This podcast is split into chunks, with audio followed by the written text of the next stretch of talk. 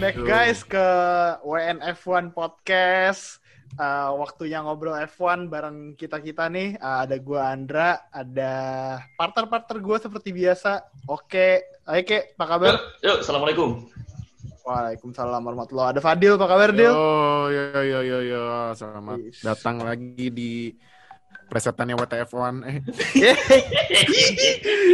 Kemarin ada yang sadar tuh di OCF1 Indonesia. Ada Nuha juga. Apa kabar Nuh? Halo, halo. Selamat pagi, selamat siang, selamat malam. Yo, Yo, Nuha kalau di foto, eh kalau lihat video podcastnya lagi pakai jersey Dodgers yang kemarin berjuara World Oh, Series. oh iya dong. Iya dong. Gokil. Monkey gokil. Bats. Mukidi. Tapi kita di sini nggak ngomongin baseball. Ya kita ngobrolin F1 karena it's race weekend, baby. Yo, Let's go. go, let's go. Track. Apa, apa namanya? Emilia.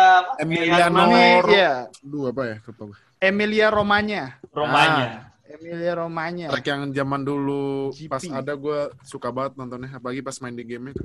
Yo, yoi. Kalau dulu namanya San Marino GP, San Marino. Eh, kita bakal ke Imola. Terakhir kita balapan di sini tahun 2006. eh waktu itu yang juara siapa ya 2006? Schumacher ya? eh. 2006 itu Alonso bukan?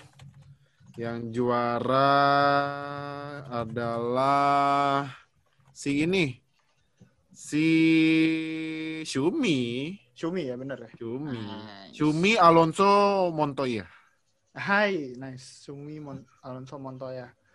Eh, Oke, tapi sebelum kita masuk ke Emilia Romanya GP, banyak banget yang terjadi di minggu-minggu ini ya. Kayak eh, berita-berita lagi banyak berterbaran. Terutama dari driver market buat line up 2021. Nah, Kita Iya, mungkin iya. bahas yang paling awal kemarin keluar beritanya itu eh ini ini nggak terlalu mengagetkan juga sih, tapi lumayan eh, ngebikin Kaget. apa skena di skena di perebutan driver di dua tim ini lumayan berguncang. Pierre Gasly stays di Alfa Tauri buat 2021. Which means di masih ada satu seat uh, kosong di Red Bull sebagai driver kedua buat uh, nemenin Max Verstappen. Deal, Ya. uh, menurut lo ini keputusan bagus nggak sih buat si Gasly stay di Alfa Tauri 2021? menurut gue bagus karena gini. Hmm, Kalau misalnya si Gasly balik lagi ke ke sorry Red ke Bull, Red Bull, yes. ya pasti menurut gue deja vu 2019 karena walaupun dia menang, ya kan itu juga menang karena race-nya unik kan ya. Ya. eh ya cuman gini loh. Red Bull itu nggak ada pembalap yang bisa menandingi Max. Itu masalahnya. Jadi kalau lu mau jadi second drivernya bukan second driver sih eh, drive apa teammate-nya Max ya lu harus bisa menandingi Max. Masalahnya semenjak Max masuk kan Max masuk itu teammate-nya si Ricciardo. Ricciardo. Ricciardo kan. Ricciardo aja kena. Tuh. Iya. Ricciardo kena. Terus musim depannya Gasly. Gasly aja aduh diganti di tengah musim tapi untungnya pas itu podium dan kemarin menang. Nah, Sekarang terus Albon. ganti Albon. Albon ya walaupun podium sekali cuman ya nggak bisa nggak bisa nandingin Max karena ya ya ibaratnya kalau lu kalau kalau lu mau masuk Red Bull ya lu harus siap nandingin Max menurut gua Gasly belum bisa. Bukan menandingi ya, lebih ke me- mengimbangi aja lah. Jadinya intinya kan Iya. si Red Bull ini masang target tinggi gitu. Ibarat lu ibarat si Max podium 1 2 3. Nah, driver duanya itu maksimal itu di 5. Udah nggak boleh lebih di atas Iya, finish P5. kalau kalau bisa tuh jarak jarak misalnya Max finish ke berapa jaraknya mak- maksimal dua dua, Dua, di bawah Max Nah, kalau udah lebih dari tiga nah udah zong hit- hitungannya nah, Yap. makanya menurut gue keputusan Helmut Marko buat nahan Gasly bagus Ini ini lebih gede uh, decision makingnya di Helmut Marko atau di Gasly sih kira-kira? Kayaknya Marko. sih kalau gue ngeliat sih ini uh, Gasly-nya juga lumayan udah apa nyaman gitu loh di Alfa Tauri karena Iya. tim dari Alfa Taurinya juga oke banget buat si Gasly. Iya, cuman Dukung dia banget. cuman kan kalau misalnya dari berita-berita yang kita lihat kan di F1 kan pasti kalau pergantian driver Red Bull kan ah, pasti yang di bawah-bawah Helmut Marko, Helmut Helmut Marko, Marko, Helmut iya. Marko mulu kan. Nah, menurut gue sih ini masih Helmut Marko sih. Ya jangan lupa dia kan jabatannya kan apa? Executive advisor kalau nggak salah.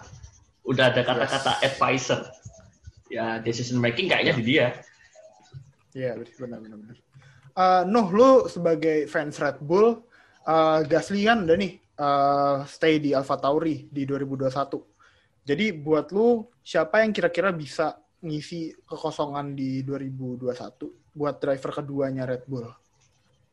Ini pertanyaannya yang sebenarnya cukup sulit ya karena banyak udah tadi udah disebutin juga banyak Hmm. banget ya apa orang apa driver-driver yang mencoba untuk menyamai skillnya Verstappen tapi Hmm. nyatanya ketika mereka udah bersanding bareng itu tidak sesuai dengan ekspektasi apa yang dengan apa yang diekspektasikan sama Red Bull jelas contohnya Pierre Gasly yang sampai diturun terus masukin Albon Albon musim ini pun juga sebenarnya nggak jelek-jelek amat cuman nggak bagus-bagus amat buat Red Bull ya buat Red Bull Hmm, kalau buat kita iya. sih sebenarnya Albon bagus udah prospeknya kelihatan cuman bagi Red Bull kan itu menjadi tanda tanya tersendiri Hmm. Makanya kayak masih ada belum kepastian nih buat musim depan siapa yang bakal mengganti Alexander Albon. Tapi memang kalau menurut gue sih Albon nggak nggak akan lama lagi di Red Bull ya. Mungkin bisa jadi balik ke Alfa Tauri or etc gue nggak tahu juga. Hmm. untuk driver prospek driver sendiri gue sempat baca-baca banyak bukan banyak sih ada satu berita yang menyebutkan kalau Mas Verstappen itu memaksa quote unquote memaksa ya memaksa Hmm. Marko untuk coba signing Nico Hulkenberg gue nggak tahu ini Hmm. benar atau enggak memang Menarik. belum sekedar belum masih maksudnya berita ini berapa benar atau enggak nggak tahu cuman Hmm. gue rasa kalau misalnya memang Hulkenberg memang masuk ke Red Bull ini menarik sih soalnya Hulkenberg ini jago sebenarnya kalau misalnya kita lihat rekornya di junior itu dia sering juara cuman memang selama dia berkarir di F1 itu nggak pernah dapat tim yang notabene top class belum pernah. Kalau Ya. memang misalnya nanti di 2021 dia desain sama Red Bull ini untuk pertama kalinya Hulkenberg ada di top tim itu menarik sih Iya. kalau buat gue ya kalau misalnya Hulkenberg ada di Red Bull. Tapi tapi ya we don't know gitu.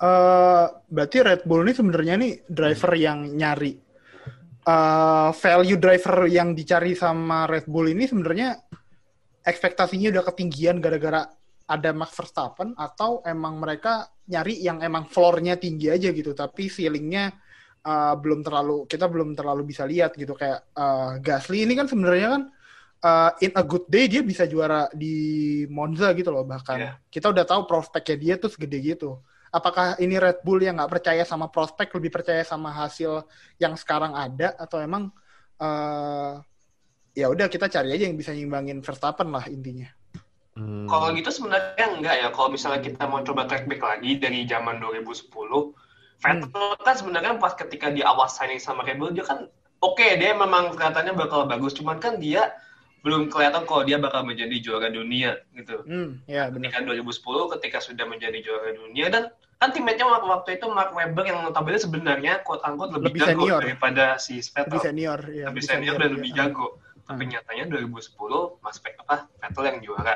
Jadi kalau misalnya dibilang untuk mengimbangi ceiling Verstappen sih sebenarnya enggak ya kalau Red Bull. Cuman memang karena sudah lama kosong dengan juara karena sudah pernah empat kali juara beruntun dan akhirnya kosong sampai sekarang jadi atau Ah, haus akan kejuaraan lagi haus akan rasa ingin menang jadi makanya mereka tuh sekarang mungkin haluannya agak sedikit berubah ketik daripada ketika mereka signing Vettel dulu gitu sih. ah ya poin menarik poin menarik oke eh kayak Yuk. nih singkat aja sih kayak tapi masih berhubungan sama Red Bull eh GP Romanya besok kesempatan terakhirnya Albon buat buktiin dia eh pantas dapat driver keduanya Red Bull.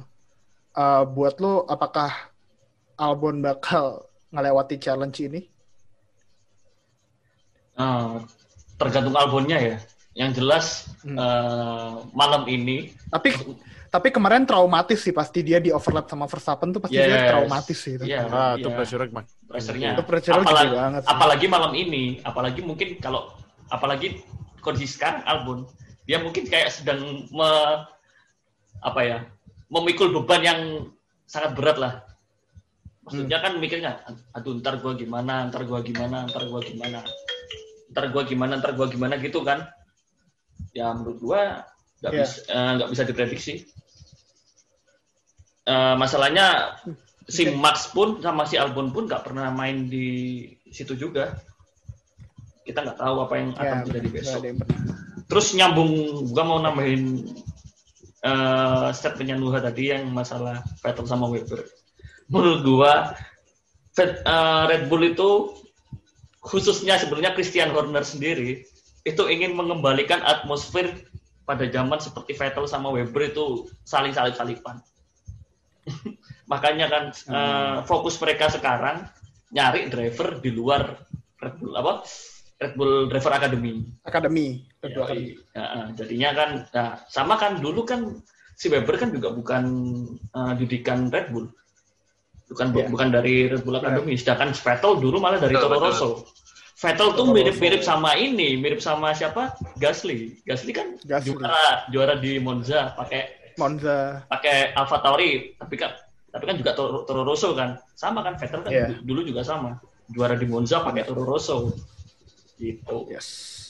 intinya si Alright. Red Bull itu pengen mengembalikan atmosfer itu aja sih Masa Jaya ya. masa jaya Eh, masih ada waktu lah buat eh, ya kita lihat sampai GP besok Albonnya gimana. Terus mas pasti minggu minggu depan kita bisa expect udah ada statement gitu dari Red Bull.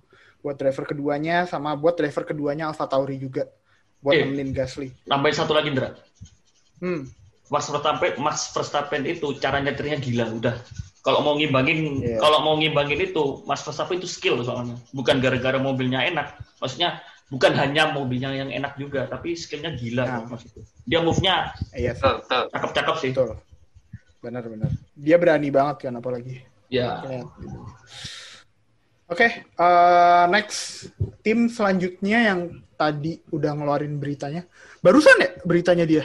Iya, oh, Alfa Romeo? masih, masih Oh, masih anget oh, oh, masih Kemarin anget. sih. Kemarin ya. Eh, Kemarin. hari ini ya kemarin ya. Kemarin, kemarin, kemarin. Oke, Alfa Romeo eh untuk ke tahun ketiganya bakal eh, sama driver line up Raikkonen, Kimi Raikkonen sama Antonio Giovinazzi. Eh, deal Hmm. sebagai fans Raikkonen. Yo. Kapan Raikkonen bakal istirahat? Gue Udah minum bir aja udah. Bayangin aja, Kimi udah punya keluarga, udah punya Hmm. anak dua kalau nggak salah. Udah Masih dua. aja main ya. Aduh. Ya tapi tapi maksudnya kita fans yang melihat Kimi dari muda sampai beranjak tua ini kadang juga sayang ya lihat dia tuh pensiun ya. Iya, cuman cuman menurut gua Kimi main juga ya berarti ya Sekedar. ya isi waktu luang lah daripada di rumah duduk tidur makan ntar pikun lagi kan nah, Hmm. udahlah gue balapan aja dah gitu Soalnya kalau Kimi juga. jadi soalnya Kimi kalau jadi komentator juga nggak mungkin. nah, Gitu. makanya jadi Wah. eh, jadi ya menurut gua ini sih kalau gua gua langsung ini ya dua ya Kimi Hmm. tetap di Alfa Romeo. Oh ini gue tahu mungkin buat membantu development mobilnya karena kan Betul, nah betul. Oh, iya. prediksi 2021 Kimi pergi buat 2022 Ya. mobil baru. Nah masukin pembalap pembalap muda. Nah Ya, benar. Giovinazzi menurut gua tepat masih di Alfa Romeo. Karena selain dia memang didikannya Ferrari ya ya Alfa Romeo tempat belajar dia yang tepat sih menurut gua. Biar siap nanti kalau misalnya tahu-tahu ditarik naik ke ya misalnya bukan kehabisan ya Ferrari cuman khas sama Alfa Romeo nggak mungkin langsung Ferrari. Enggak, ya. Cuma khas langsung tahu-tahu ya tiba-tiba naik ke misalnya apa ya kalau mungkin mungkin ya mungkin mungkin misalnya Hmm. McLaren gitu diambil Hmm. nah jadi udah siap gitu Oh iya, misal dia keluar ya. Tapi ada satu respon nih, eh gue nanya lu bertiga aja. Ada satu respon di neti- di netizen yang lumayan banyak yang kecewa gitu karena eh, Alfa Romeo nggak ngambil Mick Schumacher buat eh, tahun 2021 sebagai eh, drivernya Alfa Romeo. So, buat kalian, Mick Schumacher tahun depan apakah dapat seat di F1 atau bakal harus nunggu di F2 lagi? Dan apakah ini juga keputusan yang tepat gitu buat Alfa Romeo, buat uh, Alfa Romeo dan Ferrari uh, Academy sekalian gitu? Kalau gua gue sih justru setuju Mick Schumacher suruh tunggu dulu karena ya kalau gue lihat dia dua musim di F2 Dua musim ya? Baru dua musim ya? udah dua musim kan musim pertama masuk setim sama Bagindo. Bagindo! Oh, nah. AFC. Ah, Panutan kita semua. Oh iya, nah yang kedua kan sekarang dia sama Robert Schwartzman yang Robert gue juga bingung kok namanya agak rada Jerman tapi pas gue nationality-nya Rusia. Oh. Rusia. Nah, Keren. Rusia. Nah, jadi menurut gua eh, nggak apa-apa, mending Mick Schumacher tahan dulu. Hmm. Karena ya kalaupun Mick Schumacher masuk dengan mobil Alfa Romeo yang sam 2021 sama kayak 2020 yang rada-rada, Hmm. ntar dikomentarin media karena punya nama Schumacher nangis Nah. gitu. Di, di, Makanya- di, di komen Di komen nangis. nangis. Komen nangis. Nah, jadi ya udah, jadi nah jadi mendingan 2022 mobil baru Mick Schumacher masuk. Nah, bagus. Siapa tahu kayak Kimi kan baru main langsung dap bikin poin tinggi. Langsung deh tandem sama Leclerc gitu. Waduh, Charles Leclerc. Leclerc. Kalau lu noh gimana noh? Keputusan Alfa Romeo nih. Menurut gue udah tepat ya, maksudnya dengan mempertahankan Kimi Raikkonen dan juga Antonio Giovinazzi karena Mick Schumacher di, di F2 juga kayaknya belum kayaknya belum bagus-bagus amat gitu. Ini Mick Schumacher di eh btw Mick Schumacher di F2 uh, leading di championship. oh iya. Ah, leading di championship nomor satu dia. Oke, berarti gue salah. Slow, slow. Mungkin mungkin mungkin lu lihatnya pas tahun 2018 kemarin, 2019 kemarin. Eh, itu itu itu itu faktor teammate itu. Itu faktor teammate itu. Itu faktor temennya. Gak usah disebutin lah namanya ya. Gak usah Iya. disebutin. Nah, kasihan kalau banyak RT yang kita omongin cuma buat Lyle. Ya kita bahas yang sisi positifnya saja. Iya. Tapi kalau memang mau kejadian berharga. diangkut pautin sama Alfa Romeo ya, gue masih masih belum yakin gitu loh Mick Schumacher bakal bisa langsung beradaptasi dengan skema mobilnya F1 karena ya lo cari nama, maksudnya gedein nama dulu lah di F2 juara dulu, nggak mungkin nggak harus tahun ini juga toh keuangan karena COVID-19 juga masih karena COVID Ah, juga itu keuangan. sulit. Apalagi Oh, Alfa. Romeo kan bukan termasuk tim yang besar gitu. Ah, Dependen itu. sama Sauber juga kan masih Hmm. sangat bergantung dengan Bapak Peter Sauber jadi ya tahan dulu aja sih kalau menurut gue. Iya. Oke. Lu gimana kayak sebagai Ferrari sejati? canda, canda. Ya, gue setuju sama kalian semua. Eh, kalau mic kalau mic ke F1, wah, dia bakal punya bahan lah buat digoreng ya itu istilahnya kan gitu. Ah, bener sih. Soal soalnya dalam sejarahnya itu biasanya anak itu lebih jago daripada bapaknya. Ke Rosberg sama Siapa? Nico Rosberg. Ke Rosberg, Nico Rosberg. Gilles, ah, mungkin yang cukup yang cukup nggak yang cukup gagal mungkin Gilles sama Yax mungkin. Gilles kan Inilah Ayrton Senna sama Bruno Senna lah. Oh iya Ayrton Senna sama Bruno Senna, sorry bener bener Ayrton Senna Bruno Lu Senna. udah nyebut Verstappen belum sih? Belum belum belum. Oh, Nah. Max sama. Josh, Max sama Josh. Udah kan itu ya? Apalagi ya? Oh iya. Baru itu sih kalau Baru itu kan. Baru Nah, itu, baru itu. Tahu gue. apalagi si Mick punya beban tujuh, tujuh kali WDC nggak mungkin lah Eh, media gak akan berekspektasi lebih gitu meskipun dia startnya di Alfa Romeo Eh, menurut gua bener Bener, bener, bener. tunggu sampai 2022 2022 ya bener ya Iya. tunggu sampai 2022, bener. 2022 Alfa Romeo mesinnya bagus Ferrari mesinnya bagus 2023 atau 2024 langsung Eh, aduh, aduh, aduh, aduh. Aduh, aduh, aduh. Aduh, aduh, aduh. Lanjut, lanjut, lanjut, Kita lihat Fadil, kita lihat Fadil udah tiduran aja tuh. lanjut, lanjut, Udah magi. lanjut, lanjut, Lanjut, ayo. Lanjut. lanjut. Lanjut ke tim selanjutnya. Ini juga hari ini banget nih beritanya. Nah. George Russell Oh. setelah dirumorkan bakal kehilangan uh, seatnya karena masalah keuangan di Williams, ternyata uh, George Russell bakal tetap race di Williams. Gue sendiri senang banget sama keputusan ini karena George Russell uh, talent, talent yang oke okay banget. Kalau sampai dia di 2021 nggak dapet seat sih, buat gue sayang banget gitu. Uh, talent sekeren dia wasted. Uh, apalagi dia diproyeksikan bakal dapat seat di Mercedes gitu. Pas nanti ada uh, seat yang kosong, either itu Hamilton atau mungkin Bottas. Uh, kalau dari kalian sendiri, George Russell, uh, Williams, apa yang bikin apa kira-kira yang ngebikin Williams tiba-tiba mutusin George Russell bakal tetap ada di Williams instead of nyari uh, apa namanya support keuangan kayak yang selama ini diomongin sama media gitu. Apa apa emang ini goreng-gorengan media aja? Kodra. Uh. Oh. Gue tuh kapan hari pernah baca, gue tadinya lagi nyari artikelnya kok gak nemu-nemu. Intinya, eh dulu itu waktu Russell dari dari F2 mau ke F1 itu, dia tuh ngirim CV ke siapa namanya, ke Toto. Nah. Dia ngelamar lah, ngelamar ke Mercedes. Nah dari saat itu nah. dia itu dikontrak, dikontrak, di klausul kontraknya itu dia itu tetap tetap bisa balapan di F1 meskipun nggak ada tim. Kalau nggak salah itu kan gue inget. Hmm. Jadi tetap dia itu tetap bisa mungkin jadi driver reserve. Intinya kalau dia nggak punya tim, dia tuh tetap bisa balapan di F1 itu. Mungkin kalau sekarang Hulk mungkin ya posisinya kayak Hulk gitu. Dia tuh free free agent, tapi ah. dia tetap bisa balapan di F1. Ah.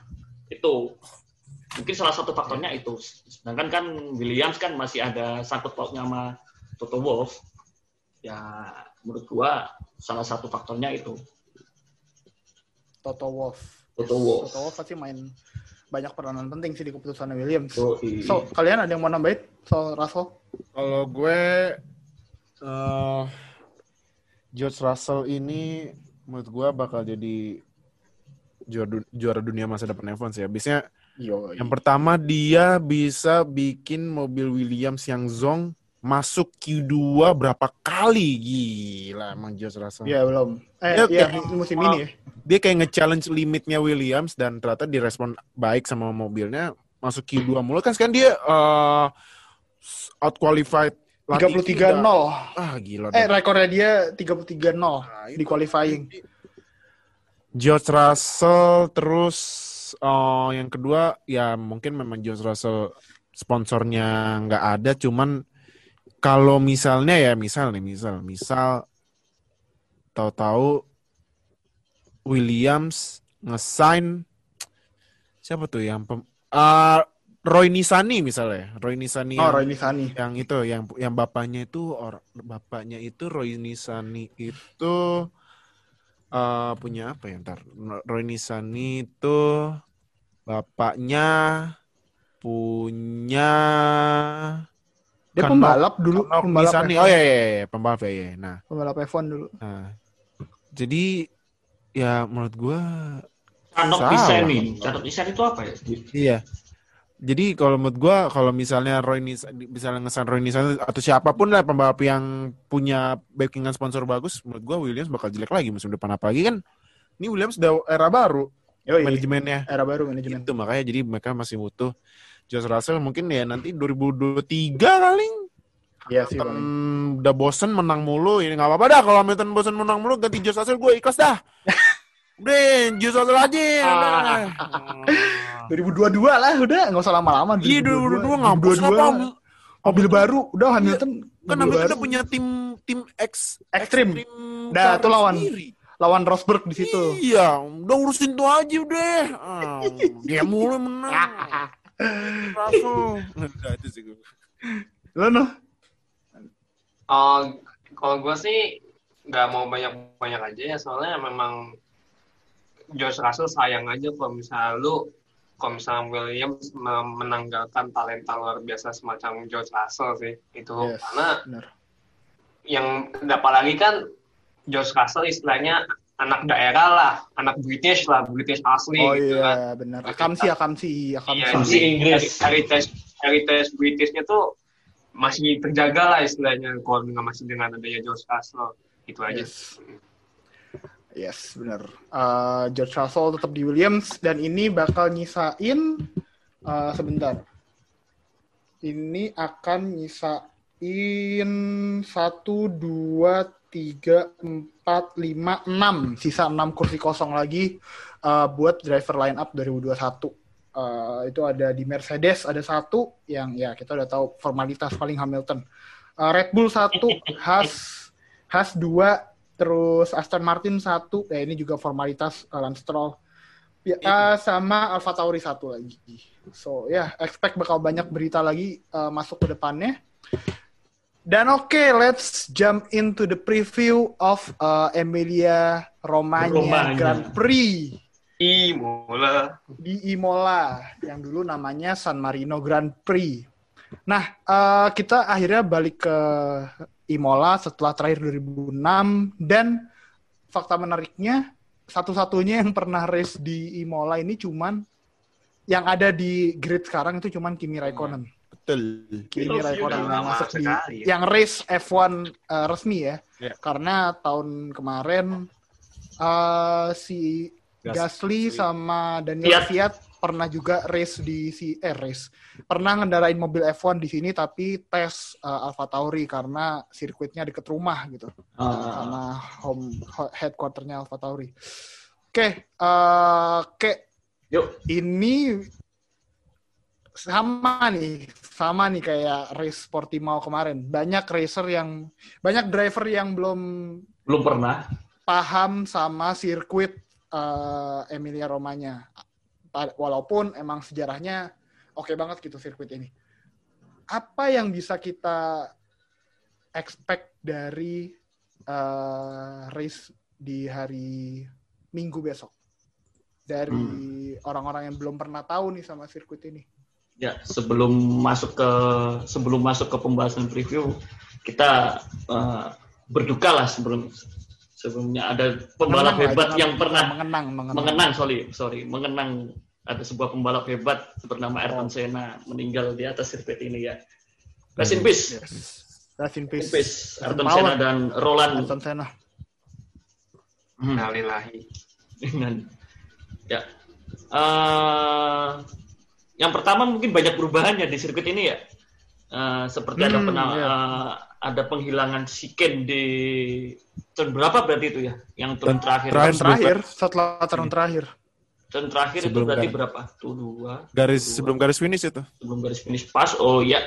Turn ya, terakhir. variante basah, variante basah. Variante basah siken. Nah, itu setelah itu uh, ada penambahan siken di sebelum masuk ya itu berarti ya sebelum masuk Tamburello ya.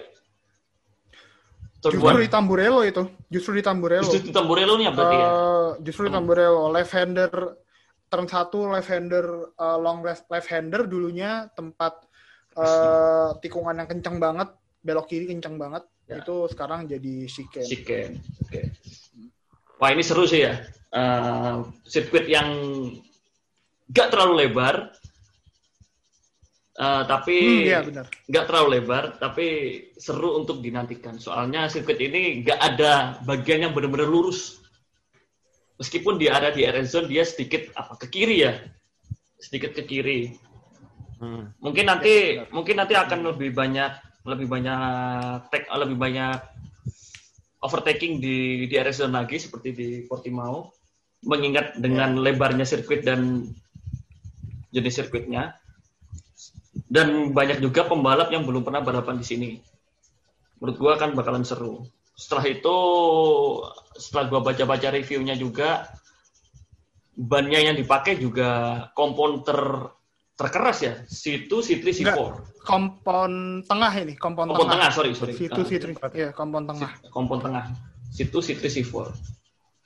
Bakalan seru sih soalnya gue juga masih belum banyak belum banyak belum banyak ini belum banyak tahu belum banyak tahu juga jadinya gue sih expect bakalan banyak overtaking di di area zone terutama di midfield peringkat ah, 5 peringkat 5 sampai 10 midfield ya midfield lah Iya, soalnya peringkat satu sampai satu sampai tiga ini. You know lah. Udah fix itu. Udah fix. Udah fix. Eh, eh, eh belum nah, tentu. Belum tentu.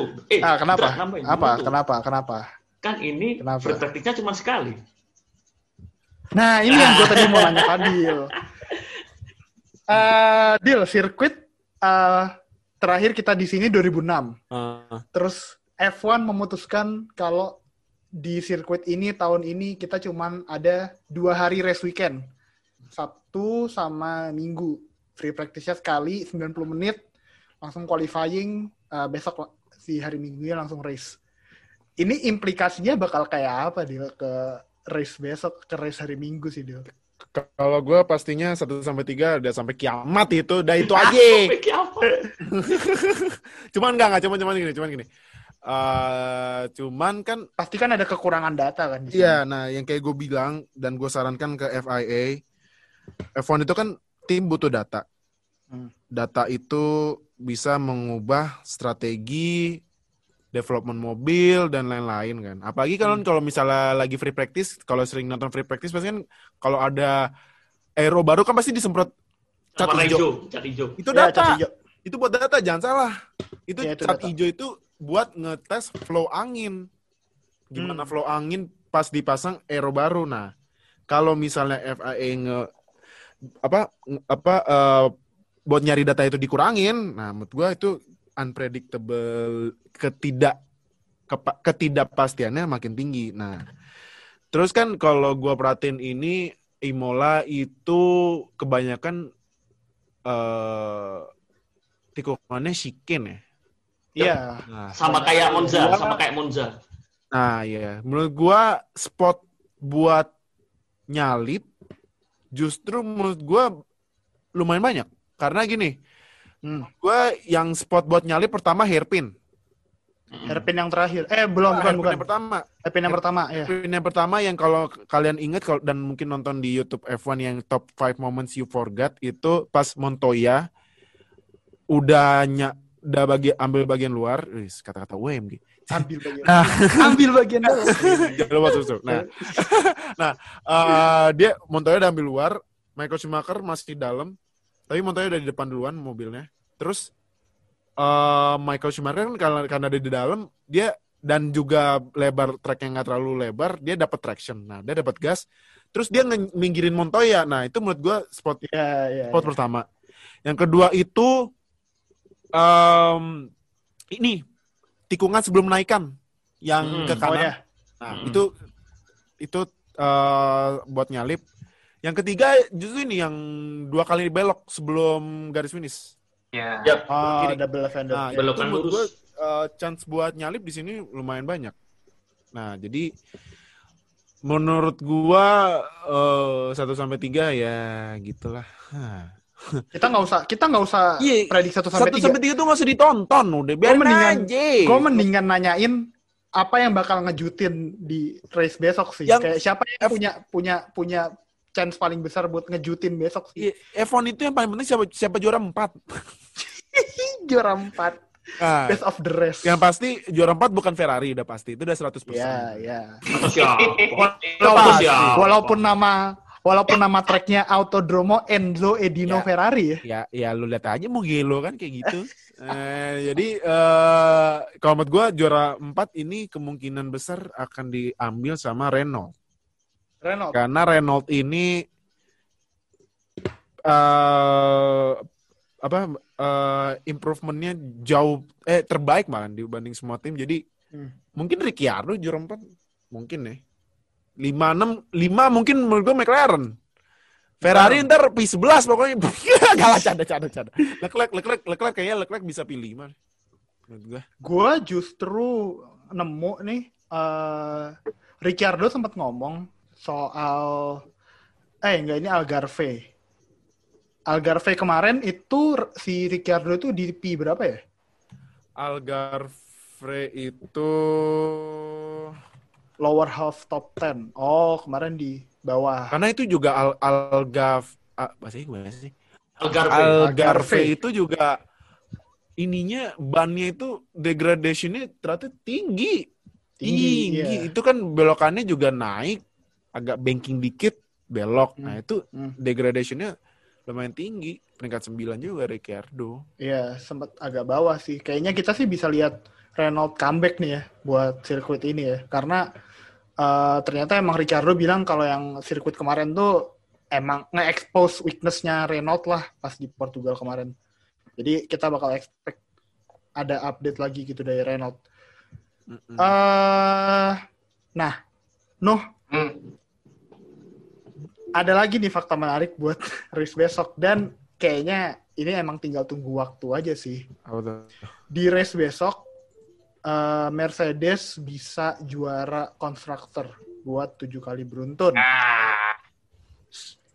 Eh skenario mereka nggak juara itu cuman kalau mereka nggak nge-score poin dan Red Bull dua-duanya podium. So ya, eh, Noh, buat lo eh, apakah ini bukan apakah ini bakal terjadi karena ini udah 90% bakal terjadi gitu. Tapi adakah kesempatan buat Verstappen buat kayak ganggu lah partinya mereka buat ternyata yang juara malah bukan dua Mercedes tapi malah uh, Verstappen gitu walaupun Mercedes bakal jadi juara dunia konstruktor. seharusnya sih kalau memang mengacu dari performa Honda di tahun ini harusnya bisa ya. Karena kan Honda juga udah sempat ngasih bukti loh kalau misalnya Verstappen tuh udah bisa juara dengan musim Honda gitu. Hmm. Udah pernah kan di Austria ya kalau nggak salah ya. Gue jadi lupa. Gue nggak tahu. deh. Yang mana? Verstappen juara. Oh di Silverstone. British juara, di. Inggris juara, di Oh British iya juara di kok.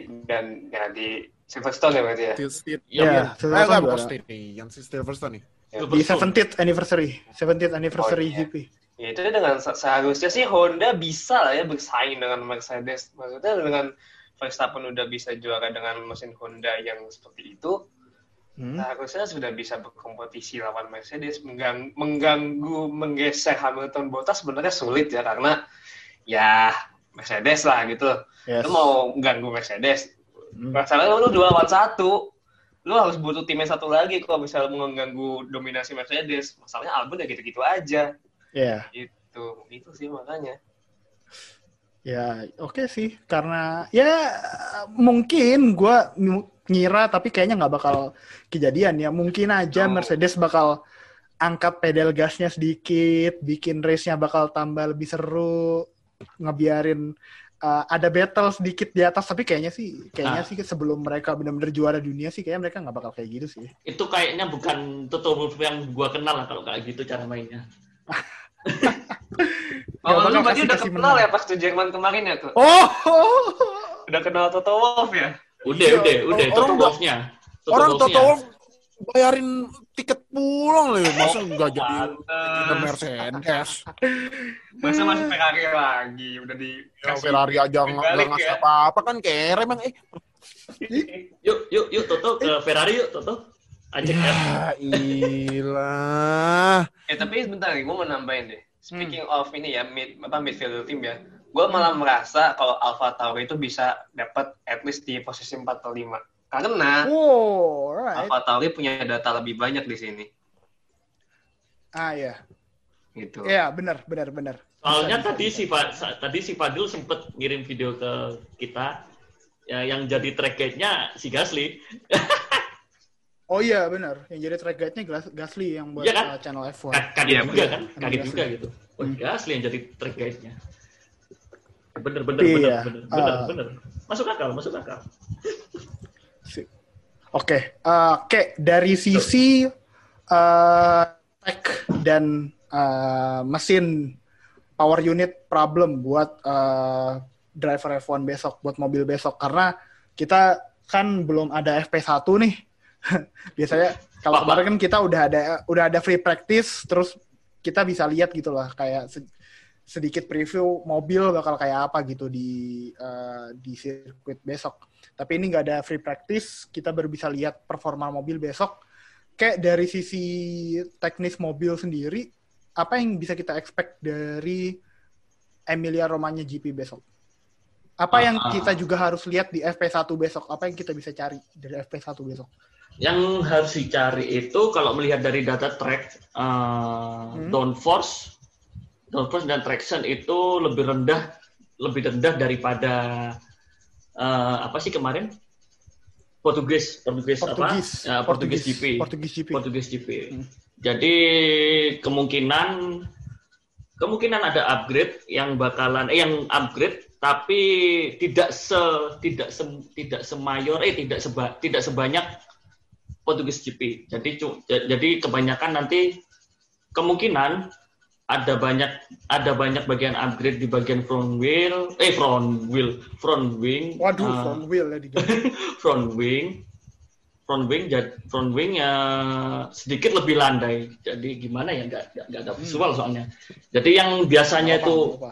jadi yang biasanya uh, front wing yang front wing yang kemarin di Portugis itu dibuat dibuat lebih dibuat lebih nutup lebih lebih nutup alias lebih menghadap ke depan gunanya untuk mengenerate lebih lebih lebih lebih banyak downforce. Sekarang mungkin akan akan lebih dilandaikan airfoilnya itu. Sirip-sirip di front wing bakal lebih di apa namanya di, dilandaikan lah.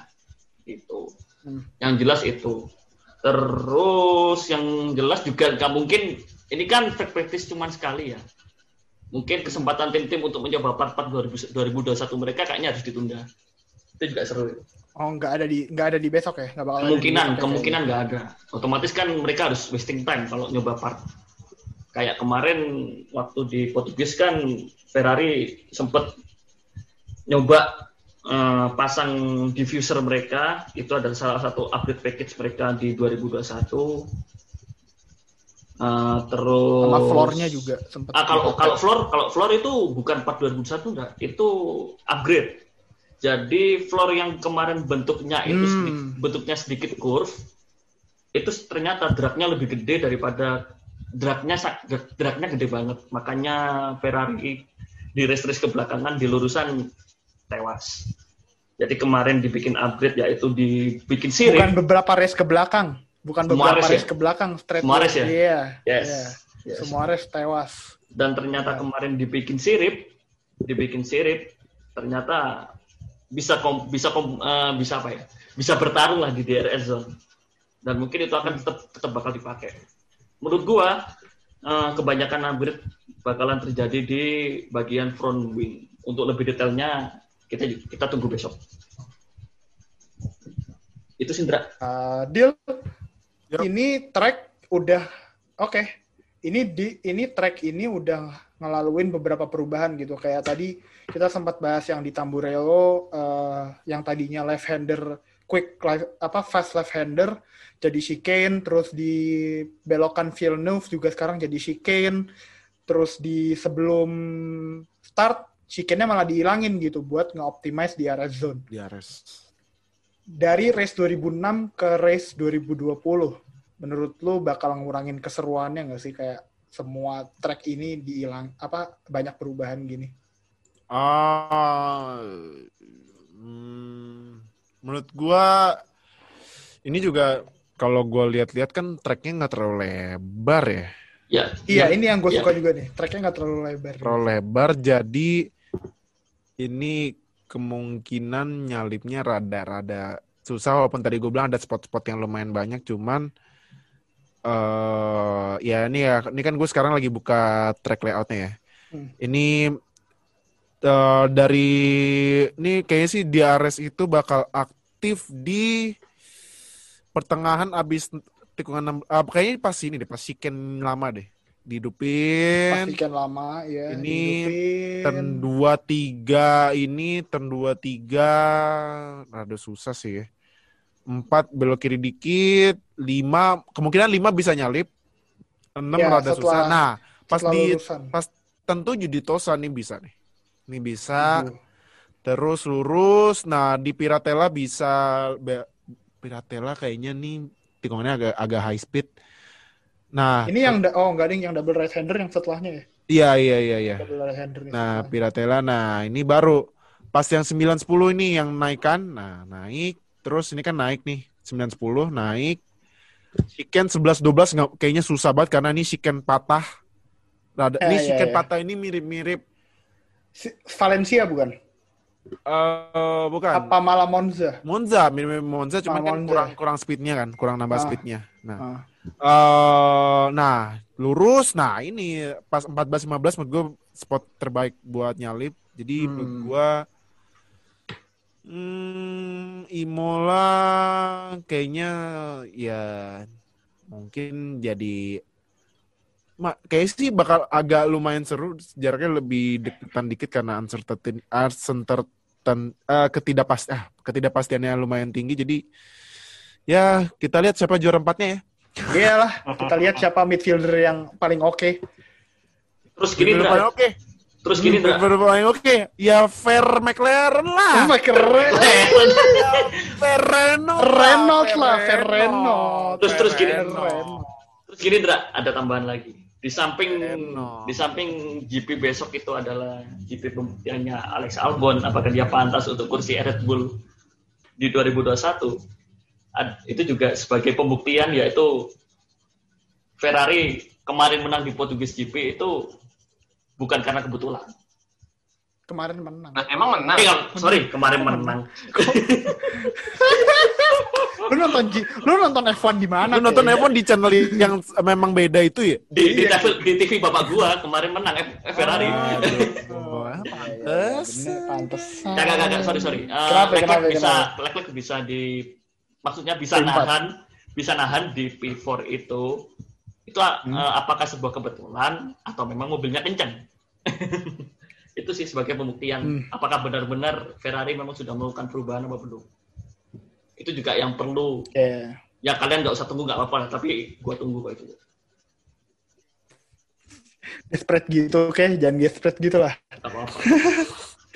Nah, eh Nuh, race besok ada satu case yang menurut gue sih bakal ngubah bahasan driver market kita kayak tadi.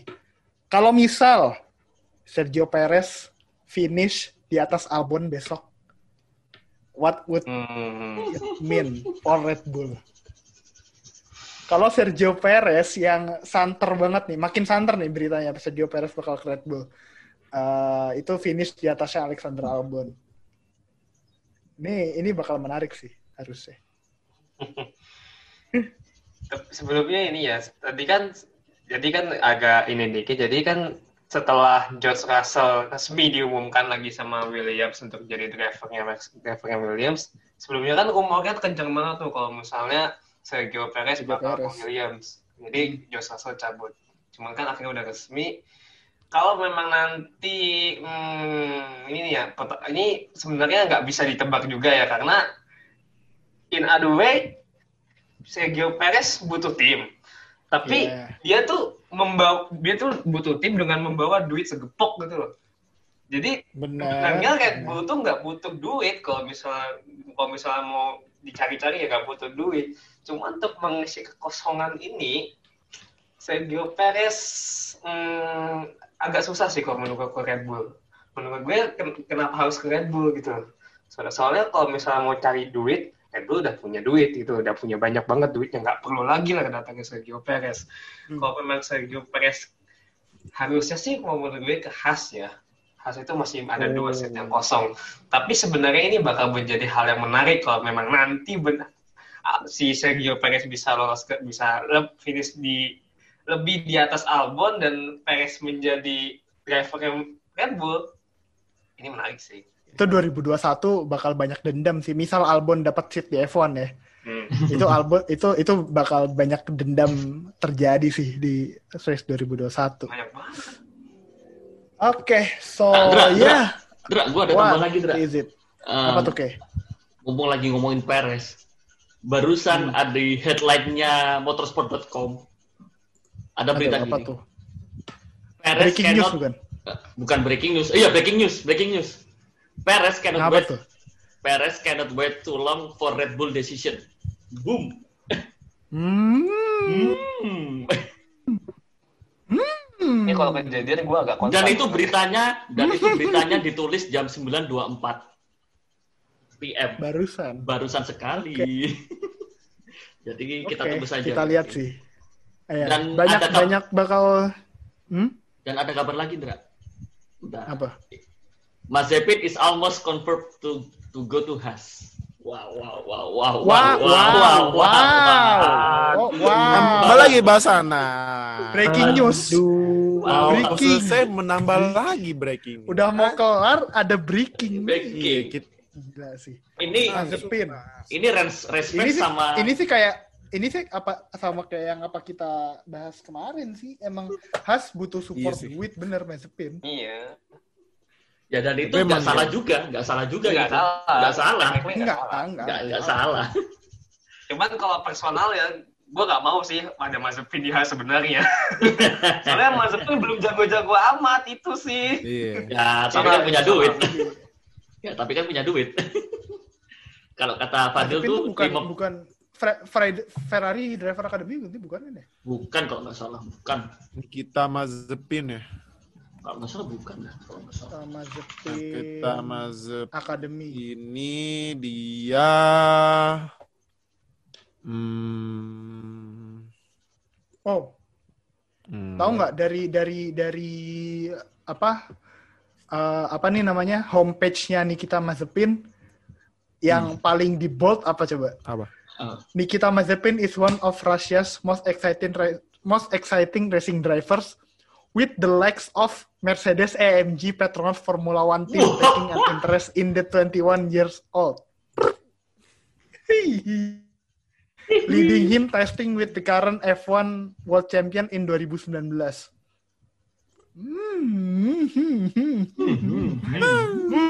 Apa ini anak?